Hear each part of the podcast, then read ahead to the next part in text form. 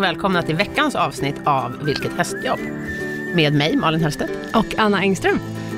Precis. Och hur har din vecka sett ut? Um, den tultar på i stallet som vanligt. Ja. Uh, men jag sitter uh, ganska mycket nu med uh, lite kalender inför sommaren och inför året. Okej. Och det är Winnis kalender. Winnis sommarturné. Ja, lite så. Ja. Och sätter lite, sätter lite datum och får lite perspektiv på vad vi ska, ja, lite planering på Mm. vad vi ska göra. Mm. Så att jag också vet vad jag ska, kan förhålla mig till. Du brukar ganska, ni brukar ganska fulla. Ja, det brukar det vara. Ja, juli månad är ganska körig, för då är det Ja. något som heter Sommartravet som, eh, som vi åker på. Men sen är det ju allt möjligt. Det är Mm. Göteborg Horse Show som kommer i Ah, ja. april. Ni ska dit. Ja, Mm. det brukar ju vara ungefär. Vi är väl nere i fyra dagar i alla fall Mm. och showar Det lite. brukar Och vara väldigt uppskattat när han är i paddocken. det är det verkligen. De började, köra- började köra för en månad sedan. Jaha. Fick jag höra. Okej. Kommer Winnie? Ja, ja. Och så ja, han kommer. ja, vad trevligt. Får han skriva mycket autografer? Det får han. Ja. Mm. Har du mycket- förtryckta mycket selfie. idolkort med... Ja, ja, vi hade ju det faktiskt ett år. Okej. Mm. Ja. De gick väl åt som smör. Ja, det gjorde de. Mm. Jag hade ingen med mig hem.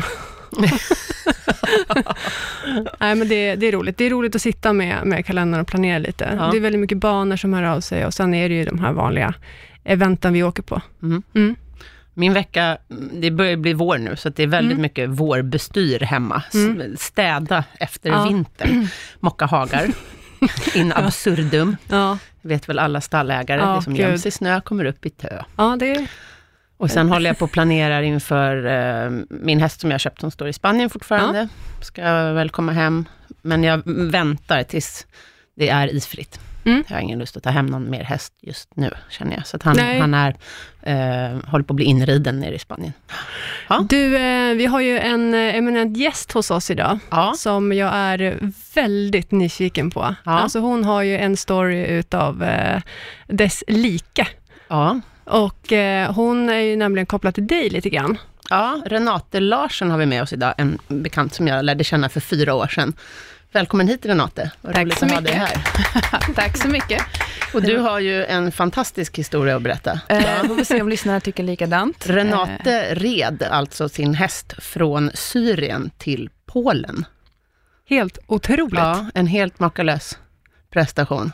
Hur kommer Mm. det sig att du var i Syrien till att börja med? Ja, det var nämligen så att min mamma jobbade för ett eh, svenskt internationellt företag och blev erbjuden utlandstjänstgöring, alltså Mm. jobba utomlands. Och då fick hon två alternativ. Hon fick eh, antingen Kairo eller Damaskus som alternativ. Och då frågade hon mig, jag tror att jag var nio eller tio år gammal vid det här laget. Jag minns det fortfarande, jag satt och lekte på mitt rum och så kommer mamma in. Och så säger hon, Renate, vi har fått eh, möjlighet att flytta utomlands, Mm. antingen till Kairo eller till Damaskus. Fick du välja då? Jag fick, jag, det var meningen att jag skulle få välja och innan Wow. dess så hade, hade du vi... koll på Kairo och Damaskus när du var nio? Ja, Kairo hade jag koll på. Det är det här som är grejen. Kairo hade jag koll på, för det hade jag läst om i Kalanka. Så jag visste att det Aha, existerade som gud. plats. Så jag hade begreppet för mig. Damaskus hade jag aldrig hört talas om. Nej. Så då svarade jag också Kairo. Eh. Så det blev Damaskus. Hon körde med Jo, tvärtom. verkligen. Eh, När var detta? 2000? Det här måste ha varit slutet på 90-talet. Okej. Slutet på 90-talet, 98 skulle jag gissa på. Ja. Ehm, och då levde fortfarande den eh, gamle presidenten Hafez Assad. Det kommer Mm. jag ihåg. I Syrien. I Syrien, Ja. precis, Mm. i Syrien. Så att, och innan dess hade mamma varit, haft utlandskontrakt i Polen också. Eh, så jag var ju bekant med konceptet flytta Mm. och allt sånt. Så då körde vi, packade vi ner lasset. Det hade varit hemma i Sverige ett år ungefär. Mm. Och så flyttade vi till Syrien. Och eftersom jag var en svensk ridskoletjej, Mm. så ville jag ju gärna fortsätta eh, med hästar även där. Ehm, och då fanns det väldigt begränsade möjligheter. Mm. De enda som höll på med hästar i Syrien var egentligen de som använde dem som arbetsdjur, Mm. för att dra eh, vagnar till marknaden ungefär. Det finns alltså inga ridskolor typ nej, Sverige? nej, och så nej. fanns det militära ridklubbar, där, som i princip var kavalleri, Ja. eh, Ja, det är alltså överklassridklubbar. 90-talet. Ja. Och det här var ju långt före kriget. Mm. Det var Ja, ganska precis. lugnt i Syrien vid den här Det var tiden. en, ja absolut, det var en diktatur, men samhället i stort var stabilt utifrån det perspektivet Mm. i varje fall. Eh, så det var, ju, det var ju säkert för, Mm. för eh, utlänningar att åka till Syrien och jobba i Syrien. Ja. Och det var på många sätt ett väldigt eh, fantastiskt land. Mm.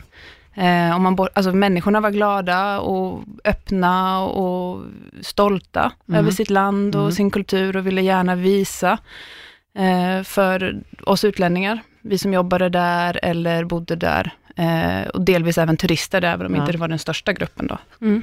Var väldigt måna om att visa upp sitt land då på bästa sätt. Ja.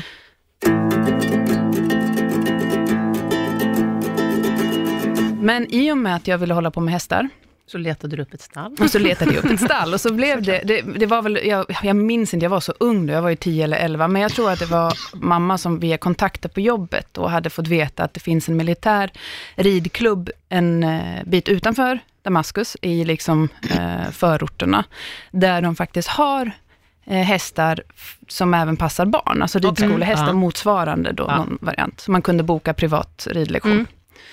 Så då gjorde hon det för mig och så började jag åka dit och så började jag Åkte rida du dit själv då? Nej, men mamma Ja, skjutsade ju. mamma så skjutsade. det var klassiskt eh, eh, ponnymamma, liksom, fram och tillbaka mellan Ja. Eh, och sen när vi var där så började jag rida då för en ridtränare. Eh, och han eh, eh, visade sig senare hade egna hästar som han gärna ville visa upp. Så Ja. en helg åkte vi helt enkelt ut till hans gård. Och där träffade jag Serena, Ja. min häst. Mhm. Eh, och instinktivt så tyckte jag rätt illa om henne och hon tyckte rätt illa om mig. Eh, Det var första mötet liksom. Ja. Nej, Anna. Jag var helt fokuserad, jag var helt fokuserad på en annan häst i, i liksom, hon hade en, det var inte ens en hage, det var liksom en, det var en, en inhägnad, ett inhägnat utrymme Mm. eh, på den här gården, Ja. som var lite fritt från bråte och där de här gick lösa. Det var tre hästar, det var två unghästar och så hon som var Men- någon form av liksom, Men tanken var inte att ni åkte inte dit för att köpa en häst? nej, nej, nej, utan vi skulle bara kolla på hans häst. Han hade Ja. jättemånga hästar och Ja. hade både lite uppfödning och sånt. Vad är det för hästar de har? Arabhästar. Men- Bara? I princip. Ja. Sen på de här stora ridanläggningarna, de, det fanns då, ska jag säga, en, en tävlingsvärld, hopptävlingsvärld, som Mm. också var rätt så reserverad för eh, kavalleriet, alltså officerarna och, och eh, de som hade lite mer ekonomiska resurser. Ja. Så de, hade, de, De- som hade pengar, de kunde liksom... De hade, ja precis, Tävla de och- hade råd, men alltså, Ja. det är dyrt att ha häst i Sverige. Och så Ja. kan man tänka sig ett land som dessutom inte har den levnadsstandarden vi har. Nej. Där var ju hästarna arbetsredskap. Alltså Mm. de Ja. behövdes för att man skulle Ja, kunna ja. köra vattenmelonerna till marknaden Mm. och få pengar till sin familj.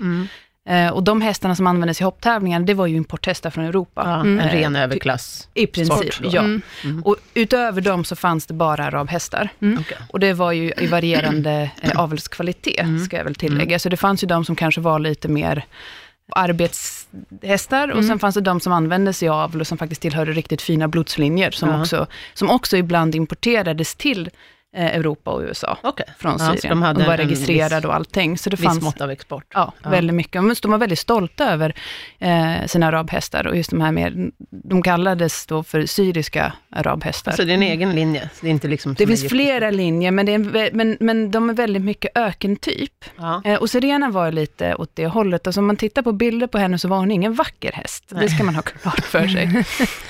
eh, på utsidan, på insidan var hon den vackraste av alla. Så Men, ökentyp, det menar med att de är inte så De är- visuellt... Nej, snygga. nej, Nej, verkligen härdiga, inte. De är väl säga. exakt, Ja. det är mer fokus. Och de, och de kan vara ramsneda och vinda och benen kan vara krokiga och det kan vara oproportionerligt. Men de är, de är väldigt uthålliga, de är väldigt härdiga. Mm. Eh, och det är det som är det viktiga. Och sen Mm. finns det väldigt många subtyper, så att vissa linjer, blodslinjer har, är lite grövre, andra har lite mer det här som vi inbillar oss, eh, Mm.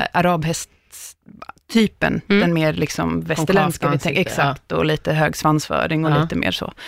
Och sen Jag tänker mig att de måste vara rätt lättfödda också. väldigt, Ja. eh, alltså hästarna där, Mm. på den här gården, eh, åt en gång om dagen, två gånger om dagen kanske. Mm. De hade inte, Oj. det, fanns inga, det fanns inga beten, det fanns Nej. inga hagar, det existerade ju inte. Så alla var uppbundna inomhus i en stor lada, uppbundna Okej. vid väggen, Jaha. med en liksom tunna framför sig, där de fick mat och vatten Okej. på bestämda tider, Ja. och ibland obestämda tider. Mm.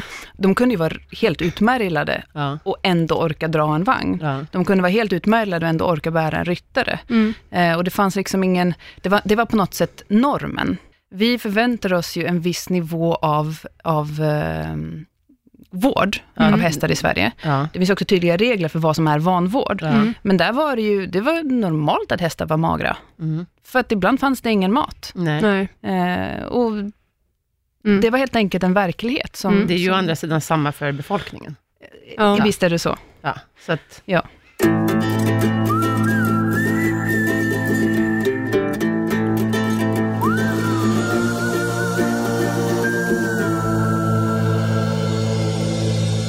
Jag var ju mer intresserad av en av unghästarna i den där lilla grupperingen eh, och bondade med den. Mm. Men den blev väldigt sjuk och dog eh, inom några veckor. Jag började besöka då den här Mm, gården mm. mer regelbundet och det blev Mm. liksom min häst. Och det Mm. gjorde inte han, eh, gårdsägaren, någonting heller, för det var en häst mindre han behövde sköta, så Ja. kunde jag Mm. göra det. Mm. Ehm, men tyvärr blev den väldigt sjuk och jag, jag minns inte vad det var för sjukdom. Jag förstod det inte då, jag var typ 11 när det Ja. hände. Så jag var ju helt förstörd. Jag var helt Ja. liksom otröstlig över detta, för det var ju liksom min första häst och så Ja. var den död. Och jag kunde inte begripa och det var fruktansvärt. Sånt skulle ju aldrig hända på en ridskola i Sverige. Nej, nej, man hade ju inte behövt ut sig. Jag fick Mm. ju komma in och så, så, och så där låg den liksom, eh, död, stendöd. Eh, och det var, så det var ju ett trauma. Mm. Och det traumat valde jag eh, ivrigt påhejad av både mamma och den gårdsägaren att bearbeta genom att besöka de andra två hästarna Mm, i den här mm. lilla eh, hagen. Eh, och det var ju liksom de snälla hästarna. Inne i den stora laden, där stod ju hingstarna, där stod ju hästar som är mer, som var eh, mer inriktade på, alltså mer i tävlingskondition, huvudsakligen distans då för araber Okej, och det var det han kapplöpning. Ja. Ja. distans för hans del. Ja. Eh, och så de hästar ansågs vara farliga. Det var Okej. inte så bra för en 11-åring kanske gå in och de var ju uppbundna. De var ju uppbundna Mm. 24, alltså de kunde vara uppbundna 3-4 dagar i Men- sträck Tänker, vid en de, vägg. man behöver ändå han, lite hantera det, om de ändå ska dra kärror och de ska ändå vara... Alltså just de drog ju inte kärror, utan det var ju mer renodlade avels eller distanshästar. Så Okej. de hade, och de fick ju också lite mer alltså, prestationshöjande mat Mm. i Mm. den mån det fanns. mm. Och de ansågs vara väldigt heta och jag menar, det kan vi ju föreställa oss själva. Vi vet ju om en häst har stått på box en natt, att den kan Jo. vara lite Mm. oregelig emellanåt. Och de här stod ju uppbundna i ett Dygnet mörk runt lada, dygnet Mm. runt. Kunde vara öppna tre, fyra dagar i sträck utan att få komma ut. Mm. ja, Och sen ska man liksom försöka leda ut den här hästen. Ehm, så att de ansågs liksom lite farliga. Jag fick inte riktigt gå in där själv. Så jag fick ju hålla mig till de här två snälla, Serena Mm. och sen... De var i den här lilla Ja, follan. de stod vad utanför, precis. Men hur gammal var Serena? Vid den här Det? Oklart. är, det är oklart? exakt, det är lika oklart som mycket annat i Syrien. Eh, Men det var ingen ung häst? Det var ingen ung Nej. häst, absolut inte. Hon var redan då helt, alltså hon hade fortfarande lite grått i manen, hon var skim, flugskimmel. Ja. Mm. Men hon var redan då liksom flugskimmel, hon hade lite grått kvar i manen, som, men som Mm. bleknade sedan under åren. Men det de sa till mig var att hon var jämngammal med mig, så då hade hon Mm. varit 11 vid det laget. Men nu, efter, med åren Ja. eh, som gick, så insåg jag att det kan inte ha stämt. Hon måste ha varit varje fall kanske dubbla. Alltså hon var gammal när jag gjorde den här ritten, för det var ytterligare tio år senare. Det förstod inte jag riktigt då, men de sa till mig att hon var 10-11 när jag träffade henne däromkring. Jag skulle tippa hon kanske var 16, Okej. Okej. något sånt. Mm. Ja. Men hon var, hon var väldigt sliten. Jag kommer ihåg att hon redan då hade lite så här, hon, hon, hon var lite kohasig. Mhm. Eh, hon hängde i framknäna, riktiga slitageskador. Ja, Ja. Eh, hon var väldigt liksom, hon har alltid varit en kantig häst så Mm. länge jag hade känt henne. Så Mm. hon var liksom, det var, ni vet en häst man tänker sig att det är liksom mjuka kurvor, men Mm. det var det inte på henne. Utan även när hon hade bra hull, så var hon kantig. Mm, mm. Det var liksom lite som en, en ek, upp och nervänd eka, Ja. hela hennes liksom kropp. Och så var, hade hon lite gjort, ja men du vet, gjort hals, Ja. och vet, det var verkligen, och så, så det var ju inte vackert att titta på, det var det ju inte. Eh, men då under min liksom sorgebearbetning över då att min första häst hade dött, så började jag knyta ett band till Serena. Mm. Och det vet inte jag om det var hon eller jag som var mest pådrivande i detta, men det slutade med att, jag tror att det hade mest att göra med att den andra unghästen inte var så intresserad. Nej. Och under den här liksom processen så började jag borsta henne lite och Mhm, kratsa hovarna och jag fick, till slut så fick jag gå promenader med henne utanför den här inhägnaden, för hon ansågs så pass snäll, Mm. så att det kunde till och med jag göra. Så började vi, och det var jätteläskigt kommer jag ihåg, så att jag började med att gå så här 50 meter i en riktning, vända. Mm. Och sen blev det större och större Mm. liksom, arealer som vi täckte av. Och på det sättet så... så Blev ni vänner? Ja, Mm. precis. Lärde känna varandra. Ja. Eh, och Väldigt då, snäll häst, men 11-åring tycker jag. Ja, alltså hon var fantastisk. ju, ja. Ja. Men hästar känner ju ofta av. Ja. vet, Många hästar känner av. Alltså, jag har ju hästar det. på min gård också Mm, som ja. är jättesnälla med, Ja. med nybörjare Mm. och sen kan de vara lite hetare med mig. Ja. Mm. ja, men hon var fantastisk. Hon tog verkligen hand om mig. Mm. Och sen kom då min födelsedag och det måste ha varit att jag fyllde 12 eller 13. Det flyter ihop lite så här många år efter, eh, efter faktumet. Men Mm. då kom min födelsedag och så sa då Bashar till mig, han som ägde gården, Jag vill ge dig en födelsedagspresent Renate, du har förtjänat det. För då hade jag tränat för honom på de här Ja, ridskolehästarna. du då. fortsatte rida på ridskolan? Ja, det fortsatte Mm. jag. eh, Och rida för honom. Sånt, sånt, så här. Jag vill ge dig en häst. Åh. Ja, men ni Åh, fattar. herregud. Ja, jag vet. Ah.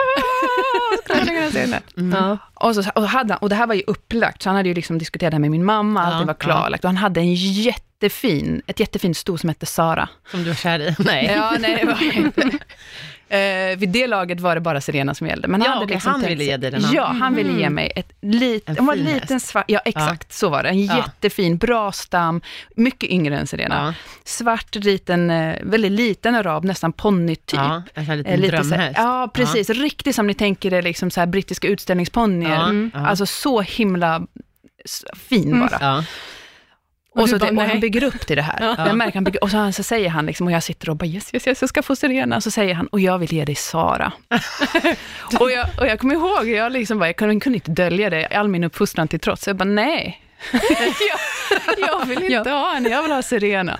Han bara, men nej, men alltså Sara är en bättre häst och du kan tävla och du kan ha Mm. Ja. roligare och hon kommer Ja. leva längre, du vet. Så Ja. Nej, jag skulle ha Serena. Ja. Och så kommer jag ihåg till idag hur han och mamma tittar på varandra och suckar. Och så blev det så. Ja. Så jag fick Serena. Och då, i samband med detta, så flyttade hon till den här ridklubben. Okej. Ja. Så då flyttade hon från den här lilla gården eh, till den här ridklubben och så fick hon stå på box. Eh, och det Bättre var ju, än att stå uppbunden. Ja. Ja, absolut. Eh, och det var stora boxar eh, Mm. förhållandevis och sånt. Sen fanns det fortfarande inga hagar, så de stod ju på box förutom när de skulle ridas. Mm. Det var ju det livet de här hästarna Ja. fick leva. Mm. Så att även när det var som bäst utifrån de förhållandena, så var det ett liv som vi inte skulle tillåta för våra hästar i Sverige. Nej. Men det var ändå Men å bra. andra sidan, eh, vi har ju inte alltid haft så, sådana regler heller. Precis. Utan det, och det finns ju fortfarande Mm. idag hästar, många tävlingshästar som står på box. Ja, och, och reser mycket och får Mm, byta ja. miljö och sånt. Så det där är ju väldigt, de, de vänjer sig av olika skäl, om det är liksom delvis Ja. habituering, vissa har ju en, en liksom mental förmåga också att hantera, att, an, att anpassa Ja, sig till de förutsättningarna. Var det närmare för dig att ta dig till ridklubben än till honom? Ja, det var det, för det här var ju lite som ni tänker, alltså det var, man kan jämföra det med så här svenska skogsgårdar. Mm. Eh, det var typ så, en sån sträcka, om ni tänker att man ska åka upp till en gård uppe i skogen, så är det grusväg, det blir sämre och sämre väg Mm, och till slut mm. så ligger det en gård i slutet. Ja. Så var det med hans också, fast Okej. istället för skog så var det liksom öken Okej. och, sten, Ja. och stenöken i alla riktningar. Lite som att åka upp till dig. Man, Malin, man åker liksom ja. väg efter väg efter väg och så, så längst, Ja. längst bort ligger det. Ja, absolut. gård. Jag bor vid vägs ände. Ja, men precis Ja. så. Medan den här rid, ridanläggningen, den låg då längs med motorvägen Mm. mot Jordanien. ja. Så det Lite var annan- urbant. Ja, Mm. väldigt mycket mer. Och då, när du hade fått henne, då åkte du varje dag till stallet, eller? Så ja, i princip. Slutade skolan klockan tre och det var bara för mamma att skjutsa. Ja, Liksom. som vanliga ponnybarn hemma i Ungefär så. Skillnaden är att jag inte kunde ta cykeln till stallet, Nej. som man kanske kan göra i Sverige i Mm. större utsträckning, eller bussen. Ja. Så det var ju liksom mamma som fick åka fram och tillbaka, kunde fram och tillbaka. Det var för långt. Det Ja. tog ju Mm. 30-40 minuter med Ja, bil ja, ja. bara. Förlåt. och trafiken där är helt uh, hysterisk. Mm. Så ja, där det är lite mera survival of the fittest. i Lite så är det ju. där. Men förvånansvärt få olyckor med tanke på hur... eh, ja, min, min bästa minne ur trafiksammanhang är ju när det är en trefilig motorväg Ja. som det helt plötsligt är sju filer på. Ja. Att, och, och de här sju, sju filer, det är lite som Tetris, så de här sju filerna Ja. liksom På tre filer så i blir det olika sju. led. Ja. Ja. För att det finns ju plats mellan liksom. Ja. Det, det finns ju marina, en trefilig väg finns ju marginal för fler bilar. Och då Ja, ja, man ju, absolut. Det är ju bara, Och sen bara styr man med tutan. Exakt, Ja. platseffekt. Ja. Gud. Men, eh, men eh, det gick ofta, oftast gick det bra. Mm. Eh, Folk anpassar sig. Nej men så att när jag flyttade Serena dit, då började jag ju rida henne mer seriöst, Mm. än att bara liksom Mm.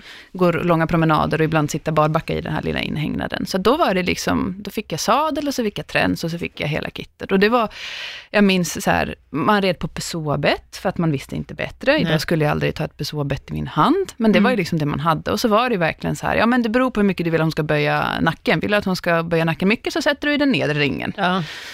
Ett Pessoa-bett för den som inte vet då, det är ett bett som har eh, en liten skänkel på sig kan man säga. Det är flera ringar neråt, så det blir en, ett visst mått av eh, häv, Hävstång. hävstång. Men egent, egentligen är det ett hissbett, eftersom det inte har en kindkedja Mm. att häva runt. Men det blir lite skarpare då än ett vanligt tränsbett. Det fanns ju liksom väldigt eh, gammaldags, väldigt grundläggande egentligen förståelse för rid, Mm. ridning. Det fanns Mm. liksom ingen, det var ingen, det var ingen konstform, eh, utan det var väldigt eh, praktiskt lagt. Man, det man såg var det man ville liksom på något sätt åstadkomma. Mm. Mm. Och mycket hjälptyglar och Mm. mycket slita och dra och mycket, inte så mycket insikt eller kunskap om hästens Man red inlärning. med handen, man red inte med sätet i kroppen. Nej, ja. och man red med handen och med pisken. Mm. Ehm, förstod inte så mycket om hur hästar lär sig, Nej. hur hästar upplever sin värld. Det existerade inte. Eh, och Serena var väldigt het. Jag hade jättesvårt för det här med att sitta upp. Då satte jag upp från marken. Eh, för det fanns inte heller någon tanke på att man kanske skulle försöka spara hästens rygg genom att sitta upp från någon form Mm. av eh, Pall eller pall eller något sånt, precis. Och så skulle jag sitta upp från marken och jag hade liksom inte riktigt eh, eh, koordinationen att vända foten mot hästen framåt. Nej. Så Mm. jag högg ju henne hela tiden med tån i magen. Okej. Och varje gång jag gjorde det så fick jag en kospark i magen. Det var liksom, Okej. det slog Oj. aldrig fel, det bara Nej. smack sa det. Hon var väldigt slut- tydlig hon var med sina... väldigt tydlig. med vad hon ville. Och till slut, eh, jag var inte jättelättlärd, men till slut så insåg även jag att jaha, det kanske inte är så skönt att få en tå i revbenen. Hon bara, till "Don't slut så do that." började jag flytta foten och i samma ögonblick så slutade hon sparka. Ja. Ja. Så hon var verkligen den typen av häst som, hon var väldigt konsekvent i, i, i, Sin hur- uppfostran. i sin uppfostran av mig, exakt så. Ja. Så det är ju mer hon som tränar mig än Ja. någonting annat. Ja. Det är ganska ofta så, det är bara Ja. det att Bara ni gör måste vara lyhörda. Precis. Ja. Eh, Så vi hade kul och jag ville ju gärna hoppa, jag tyckte det var kul. Men Serena hade svaga bakben. Det var liksom lite hennes grej i livet. Hon, Mm. var, hon kunde springa jättefort rakt fram, men hon var inte, tyckte inte om att hoppa. Mm. Eh, Det fanns liksom inget, hon, hon verkade nästan sakna förmåga Mm. till det. Mm. Det fanns liksom ingen driv i det. Att Hon eh, hade också ibland svårt att resa sig upp om hon hade legat ner länge. Mm. Eh, och även liksom tidigt under sitt liv. Så jag tror att det var någonting där med liksom den påskjutande Mm, kraften. mm. Jag har ingen aning om vad. Det fanns ingen veterinär som kunde utreda. Så det var bara någonting man Du accepterade. gjorde inte direkt någon veterinärbesiktning när du fick henne? Nej, Nej. det verkligen inte. Och gud, herregud, det hade jag inte velat göra heller, vad man får veta. Liksom. Mm. Eh, jag kommer ihåg att jag försökte, hade byggt, vet, och så här, jag var ju, man var ju som en ponnyungdom, Ja. så det Ja. var, jag byggde mina egna hinder och hej och hå, och full fart och barback. Och, och Serena var så jäkla bra, för hon sprang fram till hindret, vet, bjöd så in i helvete full fart, smack, pallnit, och sen puttade hon sönder hindret med nosen. Och sen klev hon över och sen var det bara att fortsätta i full kareta igen. Så hon löste ju problemen. Oerhört intelligent. Fantastiskt. Hon bara så här, jag förstår att du vill att jag ska ta mig över den här bråteshögen nu. Precis. Att, och nu gjorde jag ju det också, så var jag på eh, Och det var också liksom med Serena som jag började inse att jag inte riktigt gillar den här hårdhänta approachen, för hittills var det ju det enda jag egentligen visste. Mm. Jag hade ju liksom inget begrepp om, jag var ju för ung för att dra några större slutsatser tidigare, utan det jag såg, det var ju, jag lärde mig ju liksom av att göra som andra. Ja. Men det var när jag började ha en egen häst som jag bondade med, som jag fick någon form av lite djupare kontakt med. Mm. Då jag började inse att det här, är, det här känns inte bra. Nej, Mm. Hon verkar ju också ha varit väldigt tydlig med att tala om vad hon Ja, tyckte om och inte tyckte om. Ja. En annan häst kanske hade fogat sig. precis. För vissa hästar gör ju det. Vissa hästar fogar sig och vissa hästar anses som knepiga i huvudet. det, det kändes inte bra, så då började jag utforska. Och då var jag också började bli äldre, så att jag kunde söka information på ett annat sätt och börja Mm. läsa böcker och sånt. Mm. Och så, då stötte jag på hela den här natural horsemanship-grejen, som Mm. började bli rätt så stor då, Mm. och vinna Mm. momentum. Mm. Så började jag läsa mycket om det. Jag läste Monty Roberts, jag läste Hemfling, jag läste Hur fick Parelli. du tag i de här böckerna nere Eh, i Syrien? Dels beställde jag dem. Över Eh, internet då? Ja, Ja. precis. Eh, annars, eh, när jag var he- hemma i Sverige på semester, gick Okej. till eh, Mm. biblioteket.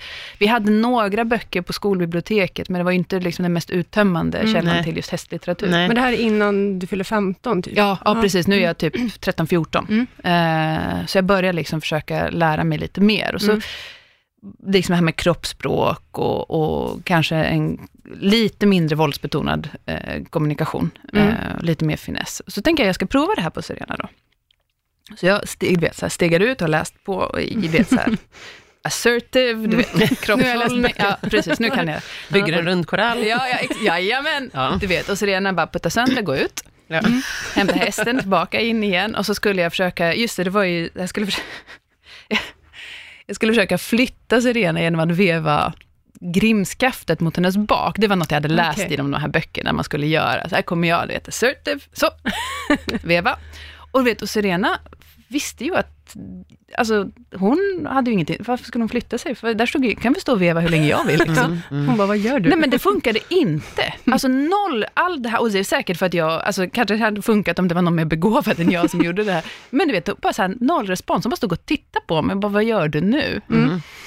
Så att då fick jag lägga ner det eh, Nu har hon blivit knäpp. Precis, ja men det var verkligen den blicken, så åh nej, så här. jag skulle inte ha slängt av henne i förrgår, det var inte bra i hjärnan efter det. Så, att, så att då la jag ner hela det här Ja. Natural Horsemanship-projektet med just Serena, och Mm. så hittade vi vår egen relation Ja, istället. Eh, så det var min... Det var nog klokt. det, var så, lite så. Eh, hon var, hon Det var väldigt... är ju att lyssna på hästen. Ja, Mm, alla har ju olika, absolut. så är det. Mm. olika språk, Mm. helt enkelt. Så det var liksom, men det var inte, det var inte våran grej. Nej. Helt enkelt. Eh, så var det med det. Så då började vi, sen efter ett tag så flyttade vi från då den här eh, ridanläggningen till, eh, tillbaka till Bashar, alltså tränarens gård. Mm. Men den låg Där du hade hittat henne. ja fast det var en annan gård, var, han, för nu hade han flyttat till en annan gård. Och det här Okej. är också en sån här bara separat parentes som man behöver förstå. Det är ju en himla flyttsnurra på alla de här hästgårdarna. Eh, på grund av att det är, eh, det är ju inga hästgårdar, det är ju lador som man Mm. inhyser hästarna i. Och sen så är det ju så här om någon erbjuder att betala en högre hyra för att de vill ha sina Mm. höns där istället eller någonting så Jaha, Okej, så att de äger inte de Nej, var, han hyrde Ja. från någon Mm. annan. Ja. Eh, och så med jämna mellanrum så blev det flytt av olika Mm. anledningar. Och då ska man flytta kanske, han, som mest hade han nog 40-50 hästar. Ja. Då ska man flytta 40-50 hästar och då finns det ju inga hästtransporter. Nej, okej. Utan det man gör är ju i princip att man tar eh, så här lite större eh, flaklastbilar. Mm. det har man ju sett på lite så här klipp, Ja. att de Ja, lastar, ja, exakt, lastar upp hästarna på ett flak och så, Och så kör man. och så kör man. Eh, och så var det. Och så kunde man ha beroende Som en liten inhägnad på flaket. Ja, liksom. exakt. Ja. Inget kunde- tak och inga nej, väggar, nej, utan nej. en liten... Och, och precis, och, ba- Ja. och gallen inhägnad, så det var ju Ja. liksom. Och då får de hoppa upp, eller? Ja, oftast. Ja. Eh, eller så backar man upp mot någon form av naturlig ramp, typ Ja. en jordhög Ja. eller något sånt. Så allting är ju väldigt eh, Spartanskt. improvisatoriskt. Ja, Ja. exakt. Och så kunde man liksom få, så många, man kunde få in så många hästar på de där flaken som hästarna gick med på att vara. Mm, eh, så mm. att jag menar, de, de kunde ju stå liksom som i startfållor nästan jämte varandra. Mm. Och ingen mellanvägg eller något sånt, utan de får bara gilla läget. Ja. Hingstar och ston och hej och håll.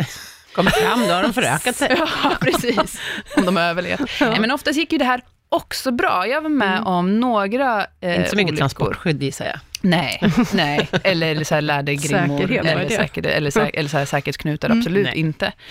Eh, och jag var, med, jag var med om många sådana transporter och Serena blev ju också transporterad, så det var ju det Mm. enda som fanns. Men hon var ju så himla cool med allt, så att hon eh, fann sig i det. Mm. Ehm, Man tror ju nästan inte att det är sant när man hör bara det här, liksom. Att man faktiskt görs, har gjort så här också. Ja. Man tänker på hur mycket säkerhet och det är liksom eh, på den vanliga hästtransport som finns idag.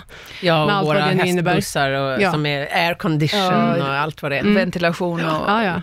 och liksom all high-tech utru- skyddsutrustning för hästarna. Och nu, då ska ni ju tänka er att det här var min eh, baslinje. Det här är vad jag vad hästvärld var för mig. Det här är vad jag lärde mig. Det är så här Ja. man gjorde. Mm. Ja, för ni din, dina kunskaper från Sverige var ju ganska... Det var något år på ridskola, Ja. liksom, Ja. rida mellanponny i ring Precis. på 90-talet. Jag hade ju aldrig liksom kört en häst i Sverige. Jag hade, liksom inte, fått, jag hade inte köpt foder i Sverige, Nej. inte gjort någon foderstat, avmaskat, Nej. ingenting. Och sadlarna såg ju likadana ut där och då, Mm. så jag kunde ju liksom inte... Det enda jag visste av hur man höll hästar var det jag fick uppleva i Syrien. Så ni Ja. kan tänka er vilken kulturkrock det blev för mig när jag kom tillbaka till Sverige och bara, jag skulle Jaha. behöva köpa hästfoder. Och så bara, jaha, 50 olika sorter. Vad är en foderstat? Men jag hade ju ingen aning. Nej. Eller Nej. Inte, vet, Gud. inte den blekaste. Nej.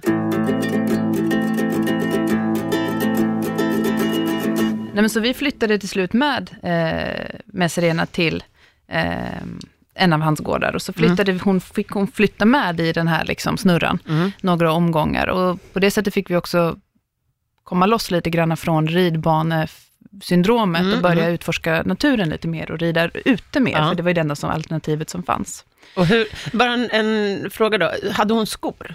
Hon hade skor. Ja, Eh. man, man har någon sorts hovslagare. Det finns hovslagare, Ja. eh, ja, Mm. rudimentärt. Och är det någon speciell skötsel av, just, för det är mycket öken, så att det blir väl, är det några speciella skor de har? Nej, det är Nej, järn, vanliga järn, skor. järnskor. Mm. Ja. Sen, mitt i detta, så slutade min eh, mammas utlandskontrakt. Så vi fick flytta tillbaka till Sverige. Okej. Då fick du Eh, lämna hästen. Då fick jag lämna Serena och då var Serena dräktig. Dessutom. okej. Ja, för hon hade- hade rymt en... eh, Nej, jag hade Enna. inte så att du hade planerat. Nej, Nej. jag hade lekt med tanken, för hon Mm. hade tydligen, de påstod att hon, då, vid det här laget var jag, tror jag, var jag 14, 13, 14, 14 var jag så jag varit. Mm. Då påstod de att hon hade ju väldigt bra avelsmaterial, så det vore ju fint om vi fick ta ett föl på henne. Mm. Det vore ju fint. Och jag gillade ju tanken på ett föl, herregud, liksom, vem är inte det? Mm. Min häst. Ja, precis. Och min häst ska få ett föl, det ska bli mitt föl. Alltså, Ja. Ni kan ju bara föreställa Mm. er. Så, att, och, så att jag hade lekt lite med tanken och vi hade kollat lite på hingstar och lite sånt. Men be, det beslutet fattade Serena åt oss, Som med allt annat. som det allting Ja. annat i livet. Ja. Precis, så hon rymde, stack till en hingst som hette Raid, som i och för sig var väldigt, eh, väldigt vacker. Och en av, eh, han var på kortlistan, så att hon, eh, hon höll sig ju inom ramarna i varje fall. Min kortlista över hingstar som Ja, var ja, ja. tilltänkta, ja, precis. Men det var ju bussigt. Ja, exakt. Så det var inte liksom, det var inte så här grannöket. Det kunde ha varit en åsna. Ja, ungefär så. Och så visade det sig att hon blev dräktig av detta då. Och mitt i detta så fick jag flytta tillbaka till Sverige. Bara abrupt. Det var väl egentligen inte abrupt, för att kontraktet skulle väl gå ut, men Ja. jag hade Mm. väl på något sätt tjatat på mamma att vi skulle få vara kvar, och Ja. det var väl lite oklart ett tag. Men sen så fick vi flytta tillbaka. Eh, och då var vi i Sverige ett år. Mm. Och sen den 7 maj 2001 så föddes lilla Ayar. Mm, och jag fick ett meddelande tidigt på morgonen. Jag tror det var fyra fem på morgonen. Ayar. Sms. Ja. Ayar, det betyder maj på arabiska. Var det Det var ett storfall. Ett storfall, Ett storfall. Eh, skimmel, men föddes med så här, mörk leverfux, Mm, men skulle bli skimmel. Mm. Eh, och den sommaren, hon föddes i maj, och eh, då till sommaren så flyttade vi faktiskt tillbaka till Syrien, för mamma hade fixat en annan, ett annat jobb som möjliggjorde detta. Okej. Mm. Så då flyttade vi tillbaka, och jag var ju Lyckan. och lågor efter. Ja. Alltså skojar inte. Men, men, när jag kommer fram, Mm. Då har Serena magrat av jättemycket, för han Mhm. har väl inte gett henne tillräckligt mycket mat. Nej. Så hon var väldigt, väldigt, väldigt smal. Eh, och fölet var friskt. Ja. Mm. Eh, så det var ju väldigt jobbigt Och då, fölet sög väl också ur henne all Säkert. näring. Så det var ju Ja. dessutom, hon, hon har väl inte lyckats kompensera för liksom, om hon var lite äldre så är det lätt hänt när de är, när Mm. de har, är Mm. drivande. Ja. Eh, så jag hade ju fruktansvärt dåligt samvete över detta, att jag behövde Mm. lämna henne. Mm. Eh, att det hade fått tillåtas ske, men fick jag ju en chans liksom att, att börja pyssla om henne igen. Och hon började ju sakta gå upp i vikt igen. Och det här fölet var helt fantastiskt. Så jag var ju den första människan som någonsin hanterade det här fölet egentligen. Mm. Hon var ju så skygg för, allt och alla, för hon var ju ändå en månad gammal när jag kom dit. Mm. Eh, och skygg för allt och alla och hade aldrig liksom varit i kontakt med en människa egentligen. Eh, så jag började ju med, jag kommer ihåg jag började så här, brukar stå och rykta Serena, stod och ryckte henne och så gick det här fölet runt och du vet, så här, blängde lite på mig, så vem är du och vad gör du här? Ja, så, men de är ju ändå nyfikna, Ja. så efter ett tag så kom hon lite närmare och jag tänkte så här, jag tänker inte låtsas om det här fölet. Jag kör min grej, Serena Ja. litar på mig, det är inga konstigheter, så får hon komma fram när hon Mm. känner för det. Och jag minns till idag, jag satt på huk och så borstade jag Serenas framben. Och så känner jag vad, du vet, det här mjuka, varma Mm. fölandedräkten i nacken. Mm. Och du vet de här morrhåren som kittlar. Och jag Mm. vågade ju knappt andas. Nej. Och det var egentligen första riktiga fysiska kontakten. Och sen så över dagarna som gick så, ja men det var verkligen så. Över Ja. dagarna som gick så fick jag börja borsta henne lite. Och så började jag få komma åt och klia på manken och då var vi Mm. bästa vänner. Ja. Helt plötsligt, det var liksom, det sealed the deal. Ja. Och efter det så, sakta men säkert, så började ju fölet Ayar lita på mig. Mm. Eh, och vi kunde börja socialisera och gå promenader och eh, sätta på grimma Mm. och ledträna och allt det där. Eh, och det var verkligen som en saga, för det där första året i hennes liv, det var, jag har aldrig haft en sån kontakt med ett djur som jag hade med, eh, med henne. Nej. För jag hade ju, vi var ju hon och jag från början. Mm, I och med att hon var så äh, väldigt, väldigt Ja. ung också när du började, Ja. så blir det ju helt annorlunda. Eh, Så jag var ju liksom, och framförallt när hon började bli avvand av från Serena, och det skedde rätt så naturligt. Vi separerade dem aldrig, utan Nej. det fick ske naturligt. Och Mm. det skedde vid, vid sju, åtta månader så märkte jag av att, även om hon fortfarande ville dia, så märkte jag av att hon var mycket mer självständig. Mm. Och vid tio, då hade hon egentligen inget behov av sin mammas trygghet om jag var med. Nej, då, kunde det, då var, Mm. tyckte hon nästan det var kul att följa med mig Ja. Mm. och utforska omgivningen. Jag var liksom här, ja, men här, biljetten ut i den stora världen på Mm. något Mm. sätt. Eh, och det var jättespeciellt. Alltså hon, jag hade ju henne lös och då hade vi flyttat tillbaka till den här ridanläggningen. För Okej. de skulle stå på box, de Ja. skulle äta upp sig, det skulle bli bra igen. Mm. Eh, så att hon gick ju runt med mig lös på den där ridanläggningen. Mm. Men det Och fanns var- inga hagar där heller? Nej, det fanns eh, uteridbanor, Mm. som vi kunde, men det fanns ingen skugga dem på dem. där? Precis, det var Ja. inte mitt på dagen, för det var ju 40-50 grader. Ja. Men man kunde ju släppa så de kunde springa runt. Eh, så jag brukade ju släppa och så brukade vi busa runt. Och det var ju väldigt begränsade möjligheter att ha häst och kunna ha häst på det sätt som jag ville. Mm. Mm. Jag ville ju såklart att de skulle gå på bete, men det finns ju inget bete. Nej, Jag ville det ju är att de skulle... ökenstad. Ja, Mm. ja, men det fanns, det fanns liksom ingen möjlighet. Eh, Så redan där började någonstans en tanke väckas om att det kanske bästa för dem vore att få flytta därifrån och Mm. följa med mig tillbaka till Sverige. Mm. Och det här var en tanke som Hur var... gammal var du här? Nu är jag 15. Ja, Mm. okej. Eh, så. Eh, och så det var liksom, redan då föddes den här insikten att om jag vill ge dem det liv som jag skulle vilja, så Mm. kan de inte vara kvar här. Det kommer Nej. inte gå. De, det, det är för begränsat. Mm. Men sen så bestämde min mor i sin gränslösa visdom att jag skulle avsluta svensk gymnasium, för det skulle ge mig bäst förutsättningar för framtiden. Mm. Så att eh, jag fick vackert flytta tillbaka till Sverige. Igen. Andra igen. gången, ja. Ja, för Ja. andra gången. Ja. det var, då hade det bara gått något år. Ja. Mm. Alltså den tonårsperioden är ju generellt sett inte den lättaste. Nej. Eh, jag var dessutom väldigt missnöjd med det här beslutet, jag vantrivdes, Mm. jag hade... Då är skolan svår överlag, bara Ja, där. Liksom. precis. Mm. Din mor, bodde hon kvar i Syrien? Eh, en stund, men sen hon flyttade hon tillbaka också, Okej. för att Mm. kunna liksom, hålla koll på mig. Liksom. Jag var ju, Mm. Din pappa? eh, han finns, fanns inte med i bild då. Okej. Det var tuffa år, eh, Mm. men jag tog mig igenom gymnasiet, fick rätt så bra betyg. Och under den här tiden så skickade jag pengar. Mm. Åkte ner så Okej. ofta jag kunde, sommar, alltså skolsemester, sommarsemester och jul och sånt. Men jag skickade pengar och så fort jag blev gammal nog att barnbidraget tillföll mig, så skickade Mm. jag hela barnbidragssumman Mm. till då han. Till dina som hästar, hade, ja, ja. precis. Så han skulle ta hand om dem. Hästbidrag? Hästbidrag, Ja. precis. Och sen när jag gick ut gymnasiet så flyttade jag tillbaka till Syrien. Eh, Själv eller med din själv. mamma? Då var det Mm. Okej, själv. då var det helt var. Ja. det nog också utan hennes egentliga medgivande, men Ja. då var jag 19, så det fanns Ja. inte så mycket hon kunde göra. Så jag flyttade tillbaka dit och det var, det var liksom verkligen så här, jag tar det lilla jag har tjänat ihop på mina sommarjobb och en resväska och jag har ingenstans att bo, jag har ingen aning. Jag bara Nej. drar, jag Ja. köper en flygbiljett, jag Ja. drar. Jag Mm. måste liksom. Du visste ju ändå någonstans vart du skulle. Ja, jag hade, precis. Jag kände ju Mm. folk där, jag kände ju till Damaskus, jag, kände ju, jag kunde ju språket vid det Mm. laget, jag hade ju bott där när jag var så Mm. ung. Mm. Och så började jag jobba som lärarvikarie på den Okej. amerikanska skolan, och lite så här läxläsning och sånt.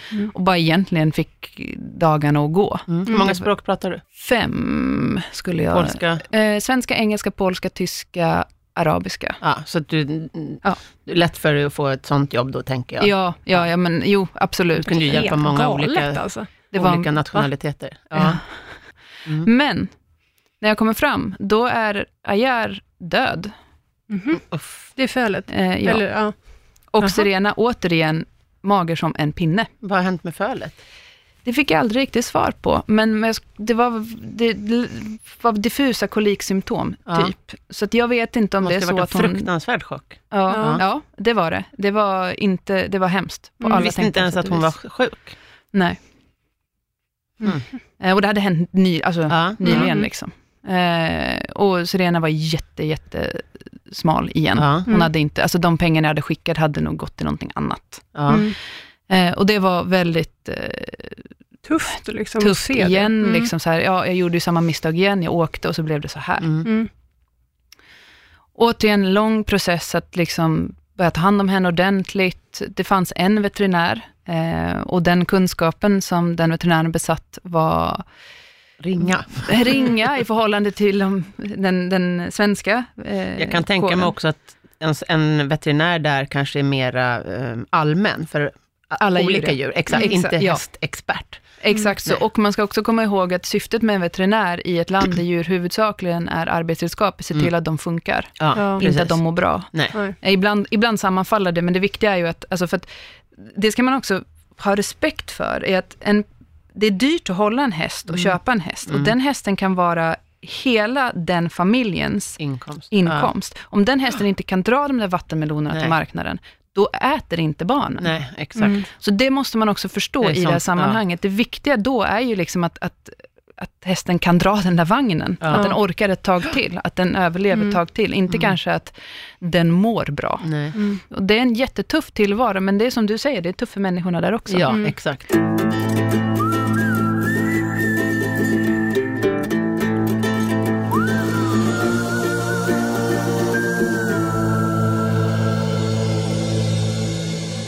Men sen som sagt, när jag nu hade sett återigen hur dåligt Serena, eller båda mina hästar, den ena for ju jättedåligt, den överlevde ju inte ens. Nej. Men Serena framförallt for då, eh, efter att jag hade varit borta, så bestämde jag mig att så här, nu lämnar jag henne inte mer. Nej. Och det är egentligen lite grann upprinnelsen till hela den här vansinniga storyn. Mm. För Med det var, ritten. med ritten, ja. Ja. Det är den här vansinniga ritten. Eh, för att jag ville, helt- det hela går ut på att jag inte ville lämna henne ensam i Syrien. Nej, Mm. igen. Eller någon annanstans heller för den Mm. delen. Jag Nej. ville ta ansvar som hästägare för hennes välbefinnande. Mm.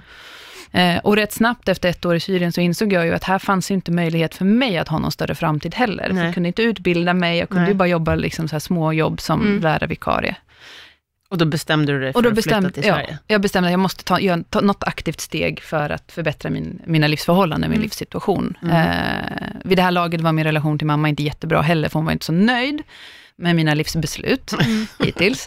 Så jag var väldigt ensam i hela den situationen. Ja. Eh, och då började jag kolla på förutsättningar för att ta med mig Serena hem. Och då, hur gammal är du då ungefär? Nu är jag 19. 19? Mm. Mm. Eh, och så började jag kolla, så här, vad kostar det att flyga hem henne? Jag tror att jag fick någon siffra på 8 000 dollar, det är 80 000 svenska kronor. Ja, det är inget Som- en 19-åring som Nej. jobbar som lärarvikarie nej. har. Nej. Nej, gud, det var pengar som jag inte ens, jag kunde liksom inte ens begripa hur mycket pengar det var. Nej. Eh, åka tåg fanns liksom ingen bra lösning. Åka båt, du vet, tre veckor och över liksom Biscayabukten och sjögång och det kändes inte heller så schysst. Så började Nej. jag liksom till slut känna så här, och, och ha råd med att åka transport hade jag inte heller. Nej. Bensin, allt. Mm. Jag hade ingen körkort, jag hade ingen bil, jag hade inga förutsättningar. Och det Nej. finns ju inte direkt kanske transportföretag. Så det, vi har ju många transportföretag som kör mellan till exempel Spanien, Portugal, Frankrike, Ja. Sverige, Tyskland. Men från Syrien Nej. är Det ju inte så många som går kanske. Och det här var 2007. Det här är 2007, det är 2006 som jag började fundera Ja. på det här. Ja. Och jag, och jag liksom inser hur, jag, hur bakbunden jag är. Jag har Ja. liksom inga förutsättningar. Nej. Och då någonstans så kläcks den här vansinniga idén, ja men jag har ju en häst. Hur Jag tog sig skulle- folk fram ja, förr i tiden? Precis, Ja. jag kanske skulle kunna rida eh, den sträckan. Tittade du någonsin på hur långt det faktiskt är? Nej, Nej. jag vill inte Nej. veta. Nej. Eh, jag hade översiktlig du vet, Ja. bild- minnesbilder för hur kartan såg ut. Liksom, och sen Ja. tänkte jag att det får... Så då började jag göra lite research och kolla upp liksom saker och ting. Och så finns det faktiskt en association som heter The Long Riders Guild. Ja. Och de samlar helt enkelt, det är liksom en intresseorganisation för människor som rider långa sträckor till häst. Mm. Vilket är jätte, alltså jättespännande personer som också har gjort Mm, så här mm. ritter tvärs över USA och från liksom Patagonien och norrut. Vi hade ju Linde von Rosen i Ja, Sverige exakt. på ja, början av förra Ja. seklet. Fantastisk kvinna. Det är helt otroligt. Det finns ju många människor som gör sånt här. Ja. Så när jag började googla lite och hittade den här organisationen, så började jag läsa och så började jag inse då att okej, så här, det har gjorts förut, då är det ju inte helt omöjligt. Nej, det har gjorts i alla årtusenden. I alla årtusenden, men- ja. Ja. Eh, Så jag började kolla lite vad som kan tänkas behövas och gjorde lite egen research och sen så tog jag mod till mig och så slängde jag iväg ett mail till, eh, till ordförande då, eller till den här infoadressen Ja. de hade Mm. på den hemsidan. Så tänkte jag, de kommer ändå inte svara. Nej. Men efter någon vecka eller två så fick jag ett jättelångt svar. Du skrev vad det handlade om, om Ja. också. Ja. jag sa så här, det här vill jag göra, är det här genomförbart? Vad behöver Ja. jag tänka på? Kan ni ge mig något råd? Och jag tänkte så här, antingen kommer de inte att svara, eller så kommer de att svara att eh, dum i huvudet. Exakt. Du är galen. Ja. Det var vad jag väntade mig. Det jag inte väntade mig var att få fyra A4-sidor med konkreta råd. Okej. Och så Ja. här, pepp, så här, det är klart Ja. du kan göra det här. Låt ingen Ja. berätta för dig att du inte kan göra det här. Fantastiskt. Det var nästan lite för optimistiskt. Ja. Och jag kommer ihåg, så fick jag skriva ut de här sidorna, jag hade varit på jobbet då, eh, på skolan. Ja. Eh, skrev ut dem sen på kvällen, så gick jag och satte mig på café och började läsa och göra anteckningar. Jag har kvar de där sidorna med alla mina Mm. anteckningar Oj, vad och sånt. Och började inse liksom att så här, shit, okej, nu är vi liksom kanske, inte halvvägs, men vi är en fjärdedel av vägen till att det här ska Ja, bli ja. av. Ja. Ja. Så han sa så här, det viktigaste är att ha en bra sadel. Och det hade Ja. ju inte jag, jag hade ingen Nej. sadel alls. Eh, så redan där, liksom första käppen i hjulet. Så jag började kolla runt på sadlar och han rekommenderade en fransk sadelmakare, Mhm. som är specialiserad på att ta fram sadlar för, liksom, För distansritt, ja. Exakt. Så då kontaktade jag det här eh, sadelmakeriet och de sa absolut, skicka måtten på din häst bara. Jag bara, jo, men Vad ska jag mäta med? Ja, precis. Så här, ja, nästa gång kan jag göra det här då. Ja.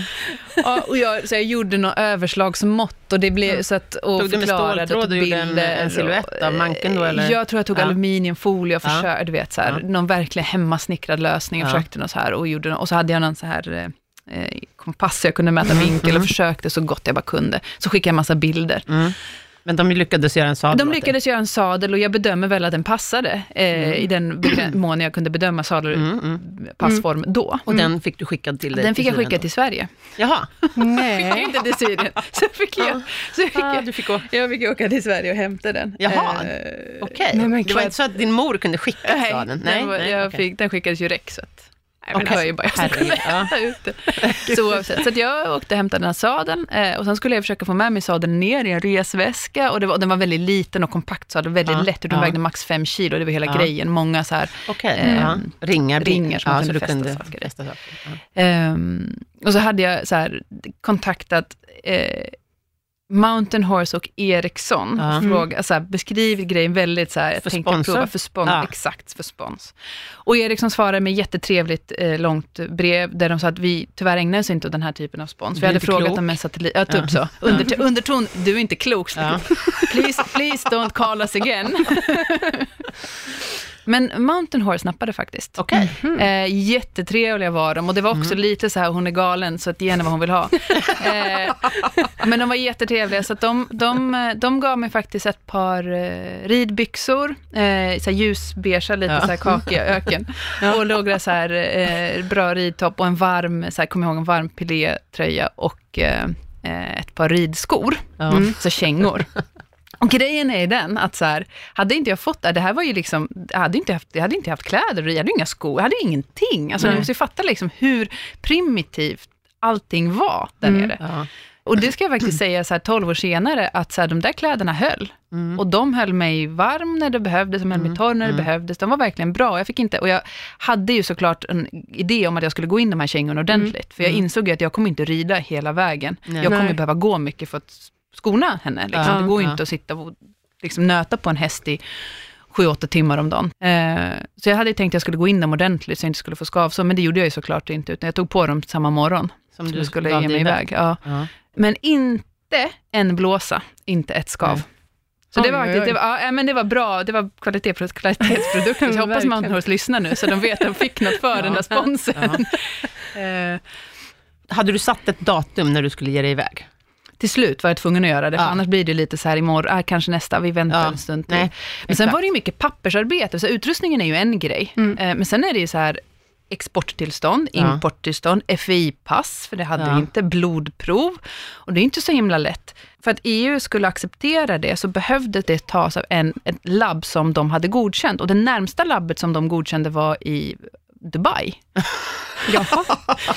Så att, Ja, och det blodprovet kan ju inte ligga på posten i nej, två nej, veckor. precis. Nej. Men tack och lov så hade de tydligen någon, de hade, i och med att Syrien eh, exporterar arabhästar med jämna Mm, mellanrum, mm. bland annat till Europa också, så Mm. hade de, en, de hade ett system för detta. Ja. Eh, så jag, för jag vände mig till liksom rasföreningen Ja. Mm. och de hjälpte mig med detta. Eh, och det var ju inte heller jättebilligt, men det behövde göras. Och det är för att de kollar efter så här, infektiös anemi, olika smittsamma sjukdomar Mm. som helt enkelt man inte vill få in i, i eh, Andra länder? EU. Ja, Ja. precis. Är det karantänbestämmelser och sånt också? Nej. Det är det inte.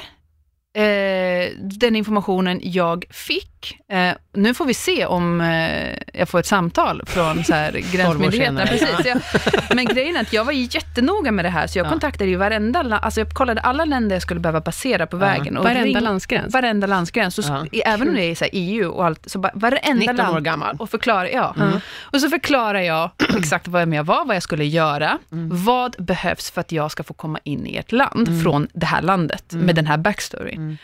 Mm. Och jag kommer ihåg att eh, eh, en av tjänstemännen på eh, den bulgariska ambassaden svarade mig, jag har aldrig haft en sån här fråga i hela mitt liv.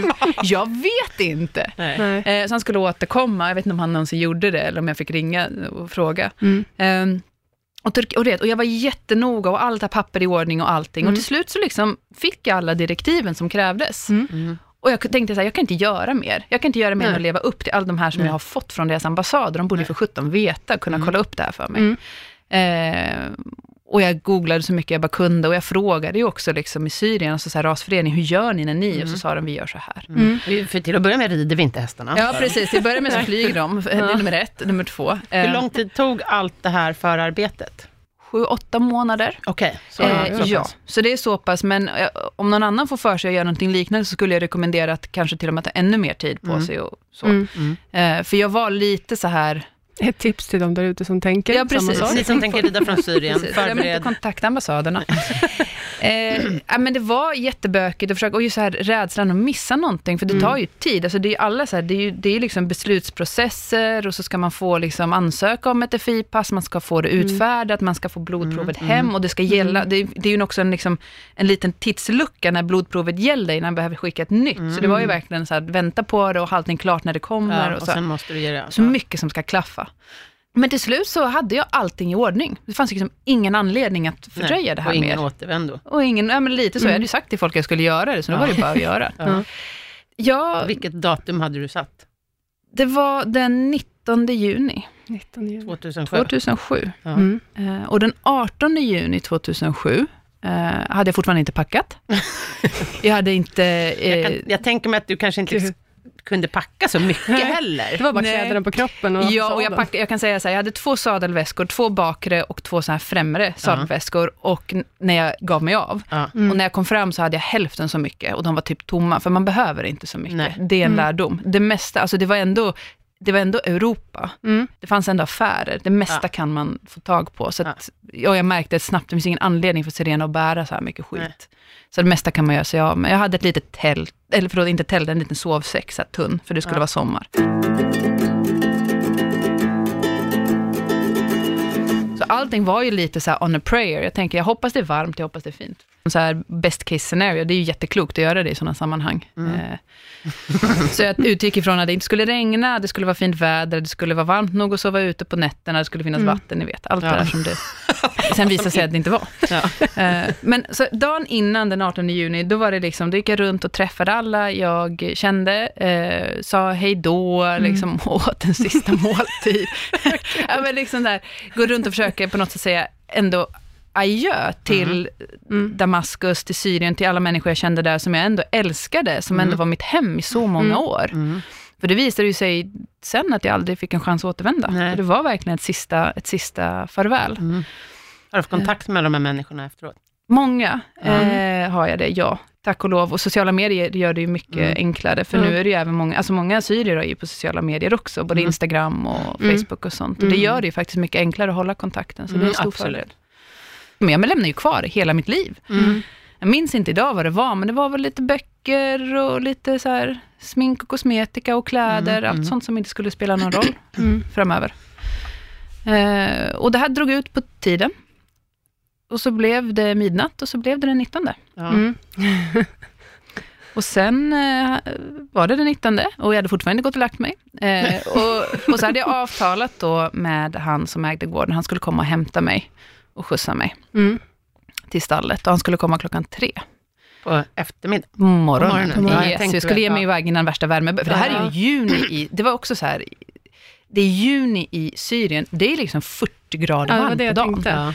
Det är helt olidligt. Eh, så jag ville ge mig iväg tidigt. Så skulle han komma klockan tre och klockan var ett, jag hade fortfarande inte gått och lagt mig och till slut så insåg jag att det finns ingen anledning att gå och lägga sig längre. Nej.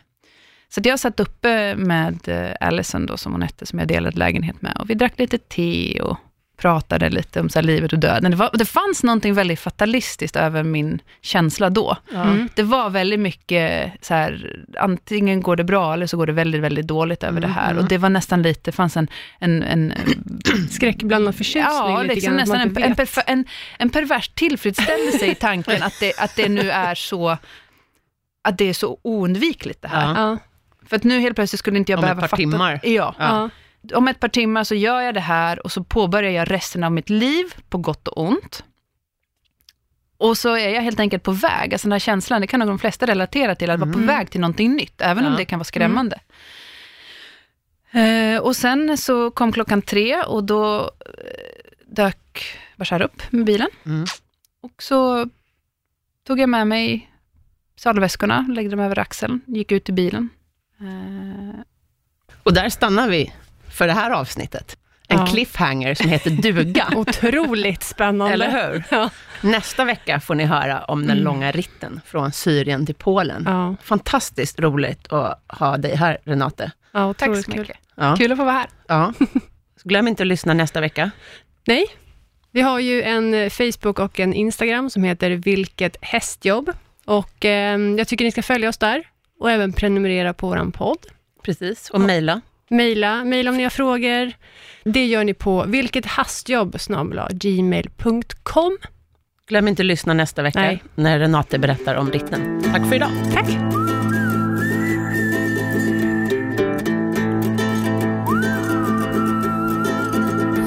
produceras av I Like Radio. I like radio.